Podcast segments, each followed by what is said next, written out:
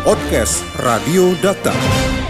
Dakta Radio bijak berinformasi cerdas berinteraksi rekan Dakta kasus perceraian di Kabupaten Bekasi mengalami peningkatan usai masa lebaran 2021. Pengadilan Agama Cikarang sampai kebanjiran gugatan. Para penggugat kebanyakan wanita.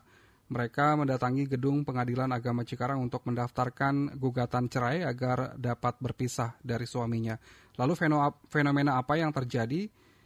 Usai lebaran tetapi banyak yang mengajukan gugatan. Kita akan memperbincangkannya bersama konsultan perkawinan sekaligus Direktur Lembaga Bantuan Hukum ICMI Bekasi Abdul Halim Sobri. Dokter Radio, bijak dan cerdas. Assalamualaikum warahmatullahi wabarakatuh, Bang Kalim. Waalaikumsalam warahmatullahi wabarakatuh. Ya, Bang Kalim ini fenomena terjadi di Pengadilan Agama Cikarang usai Lebaran, tetapi masih tetapi banyak uh, warga yang mengajukan gugatan perceraian. Mungkin kalau dari Bang Kalim sebagai konsultan perkawinan juga sekaligus uh, direktur LBH ICMI ini melihatnya seperti apa? Ya, jadi begini, uh, ternyata uh, musibah corona ini tidak bisa menghambat atau memberhentikan seseorang untuk mengajukan mengadukan masalah permasalahan keluarga ke pengadilan. Yeah Hal ini terbukti sampai dengan tanggal 27 bulan Mei tahun 2021 hmm. itu nomor perkara yang sudah mendaftarkan berurusan dengan pengadilan agama itu 1474. Yeah. Nah, ini ini sangat mencengangkan sekali bahwa uh, ternyata corona dijadi, tidak dijadikan penghalang bagi uh, pasangan rumah tangga ataupun persoalan keluarga untuk tidak diselesaikan di tingkat pengadilan, Mas. Artinya memang ada berbagai faktor yang terjadi di, uh, yang menyebabkan adanya gugatan istri ataupun juga suami ini untuk mengajukan gugatan perceraian di antara pasangan tersebut ya, Bang, Bang Kalim.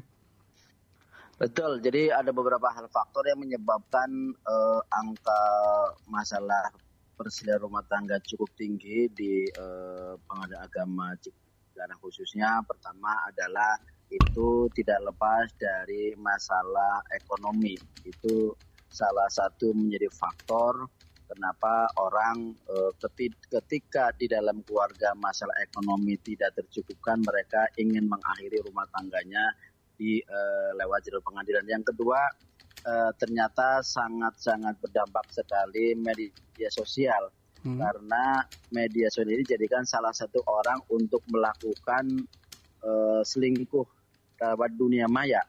Maka tidak untuk kemungkinan lewat medsos ini uh, para pihak ketemu teman-teman lama ataupun bergaul di dunia maya sehingga mengarah kepada adanya cinta lokasi. Dan ini bisa dijadikan salah satu alasan kenapa uh, mereka uh, ingin mengakhiri rumah tangga.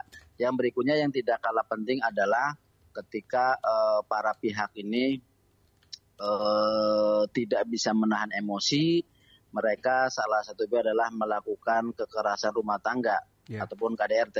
Ini salah satu yang yang menjadi uh, faktor uh, beberapa uh, proses uh, rumah tangga yang berujung kepada pengadilan. Yang paling fenomenal adalah tentunya hmm masih banyak mereka yang menjalani rumah tangga itu masih jauh dari prinsip-prinsip nilai keislaman, yeah. di mana para pihak tidak bisa atau belum bisa memahami menyadari hak dan kewajibannya selaku pemeluk agama Islam, baik sebagai suami ataupun sebagai istri. Nah, hal ini ketika pasangan rumah tangga itu tidak memiliki keilmuan Islam yang cukup, maka mereka ketika berantem, ketika cekcok adalah ujung-ujungnya ke pengadilan agama, Mas. Baik.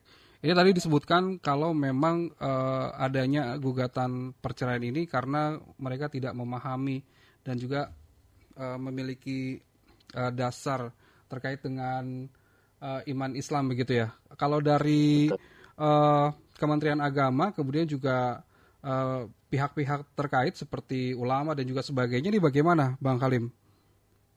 Saya melihat eh, pengalian agama dalam hal ini ataupun eh, kantor urusan agama yang dimaksud adalah mereka hanya menjalani secara normatif saja. Yeah. Karena mereka tugasnya dia adalah mencatat perkawinan. Memang eh, pada dasarnya KUA itu diberikan kesempatan untuk memberikan nasihat perkawinan. Cuma yang eh, terjadi sampai dengan saat ini bahwa betul KUA melaksanakan memberikan nasihat perkawinan tapi ketika rumah tangga sudah mulai diambang kehancuran. Nah, dalam hal ini kelihatannya saya belum menemukan bukti yang konkret ya ketika mereka sebelum melakukan pernikahan itu tidak ada pembinaan atau bimbingan khusus. Hmm. Ini yang menjadi problem sehingga uh, eh, KUA hanya dibutuhkan untuk mencatatkan saja tanpa diberikan kewenangan untuk memberikan nasihat-nasihat hukum. Tentunya ini akan kembali kepada kemauan pihak masing-masing, yeah. baik dari keluarga orang tuanya suami, calon ataupun calon istri. Nah, hal inilah mereka punya peran bahwa sebelum dinikahkan anaknya sebaiknya mereka dibekali dengan ilmu pengetahuan agama yang cukup sehingga ketika terjadi persoalan tidak harus berujung-ujungnya ke pengadilan. Baik. Bekasi ini kan masyarakat juga masyarakatnya juga masih uh, kalau dibilang uh, pengetahuan dan juga sebagainya uh, masih sangat minim begitu di Kabupaten Bekasi.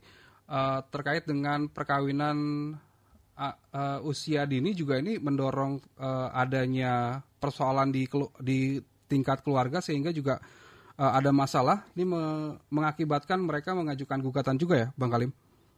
Begini, uh, perlu kita perjelas bahwa Islam tidak ada atau tidak mengenal istilah pernikahan dini. Itu hanya di dunia-dunia presenter saja ataupun televisi ada istilah pernikahan dini. Islam hanya mengajarkan bahwa syarat pernikahan adalah jelas mereka sudah balik baik suami maupun istri. Nah dalam hal ini balik uh, pernikahan bisa dilakukan ketika pas balik atau dewasa atau dilakukan ketika umurnya sudah dianggap cukup menurut uh, kalangan tertentu. Tapi pada pokoknya adalah baik dilakukan dalam usia dini dalam tanda kutip tadi istilah di masyarakat yeah. ataupun dilakukan di luar itu maka harusnya orang tua adalah mempersiapkan diri karena hmm. ada juga mereka yang melakukan pernikahan dini tapi ketika mereka dibekali kemampuan pemahaman masalah keluarga yang sakinah Roma mereka juga tetap bisa langgeng dan yeah. menjalin dengan baik dan benar memang bahwa e, perencanaan adalah sebuah akhir dari satu persoalan ataupun takdir, tapi paling tidak tergantung proses dari awalnya. Ketika mereka memahami tentang hak dan kewajibannya suami istri sebelum menikah, sebelum menikah dia mempunyai keilmuannya ataupun pemahamannya maka hal-hal yang akan terjadi keributan rumah tangga akan bisa dieliminir mas. Baik, Kalim terkait dengan peran keluarga baik itu dari pihak laki-laki ataupun juga pihak perempuan ini dalam menyelesaikan persoalan uh, bagi anaknya ini seperti apa uh, jika ingin mengajukan gugatan? Yang pertama begini, ternyata orang tua juga uh, banyak terlibat di dalam uh, lancarnya proses perceraian. Hmm. Hal ini karena ketidakmampuan dan ketidakdewasaan masing-masing orang tua untuk menyikapi ketika anak-anaknya dalam menghadapi persoalan rumah tangga. Nah, yang terjadi uh, yang paling banyak adalah di mana ketika anak-anak ini suami istri sudah tidak rukun sebenarnya masalahnya sepele. Yeah tetapi ketika contoh seorang istri mereka diperlakukan yang memang juga e, hal yang sepele. Tapi ketika istri ini mengadu kepada orang tuanya langsung, maka orang tuanya si istri ini mereka bukan mengedepankan logika sehat. Hmm. Mereka berpikiran bahwa kenapa anak saya dinikahkan tapi malah di apa dibuat tidak nyaman. Nah, karena kadang-kadang orang tua ini membela anaknya tanpa pikir panjang dulu. Nah, ini yang banyak banyak ditemui masyarakat masih banyak orang tua asal anak kandungnya mengadu maka dibela mati-matian. Yeah. Padahal tata cara yang benar adalah ada semacam sistem silang. Artinya ketika suami ini diberlakukan atau mendapatkan sifat istri yang tidak suka, sebaiknya istri is, sifat istri yang tidak suka itu dikeluhkan, disampaikan, didiskusikan kepada mertua atau orang tuanya istri. Hmm. Atau sebaliknya, dari pihak istri ketika suami ini mempunyai perilaku yang tidak suka, sebaiknya diadukan kepada orang tuanya si eh, laki-laki uh, tersebut sehingga ada semacam silang uh, apa namanya kepentingan karena bisa jadi siapa pun yang mengadukan kepada masing-masing maka uh, masih uh, masih kemungkinan mereka membela tanpa melihat uh, fakta yang sebenarnya, Mas. Iya.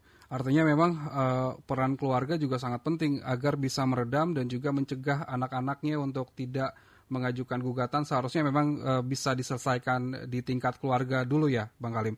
Betul, ketika dia menyikapinya dengan cara dewasa, dengan cara bijaksana, bukan dengan cara emosional, Mas. Karena di pasti dalam rumah tangga pasti ada uh, recoknya, ada ributnya. Kalau itu ada bumbu rumah tangganya, maka yang mengetahui bumbu itu bisa diracik, siasat dengan baik, maka tidak akan menjadi sesuatu yang menakutkan atau mengkhawatirkan. Baik.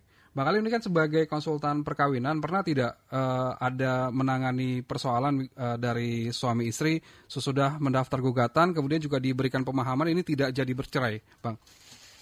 Saya sering mengalami beberapa hal uh, untuk mereka uh, yang ingin bercerai saya nasihati dulu tentang masalah kondisi-kondisi uh, apa efek dan resiko mengajukan perceraian.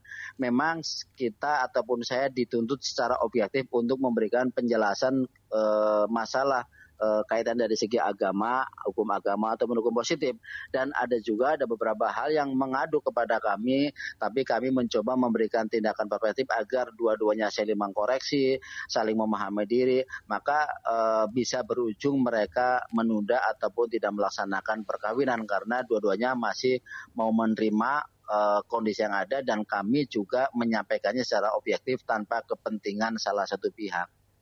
Baik. Bang Kalim, dengan banyaknya gugatan perceraian di Kabupaten Bekasi, apa yang uh, diharapkan dari Kementerian Agama dan juga nih dari sisi ulama agar setidaknya memberikan pemahaman kepada uh, masyarakat agar setidaknya tidak agar setidaknya bisa menyelesaikan persoalan di tingkat keluarga. Ya, Pertama sebaiknya diberikan pemahaman satu dari pihak eh, orang tua yang mempunyai anak agar mereka mempersiapkan anaknya sedini mungkin, semaksimal mungkin sebelum menginjak usia dewasa atau sebelum melakukan perkawinan agar dibekali eh, masalah tata cara mengelola kekeluargaan sehingga dengan dengan eh, pemahaman yang maksimal maka kemungkinan berpisah bercerai dalam rumah tangga ke depannya akan terhindar. Yang kedua mungkin tidak ada salahnya dari pihak kantor urusan agama membuat semacam peraturan baru agar ada semacam uh, kewajiban apabila uh, bulan ataupun satu tahun sebelum dia melakukan mendaftarkan pernikahan maka agar mendapatkan bimbingan nasihat perkawinan dari Kementerian Agama.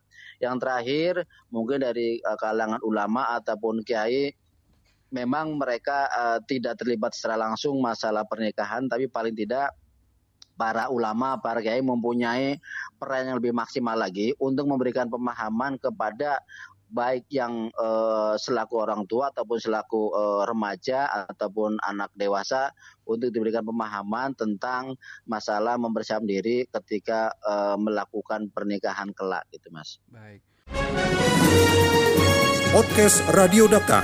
Anda cukup masuk ke mesin pencari Google atau lainnya dan tinggal mengetik podcast Radio Data. Podcast Radio Data, aktual dan informatif.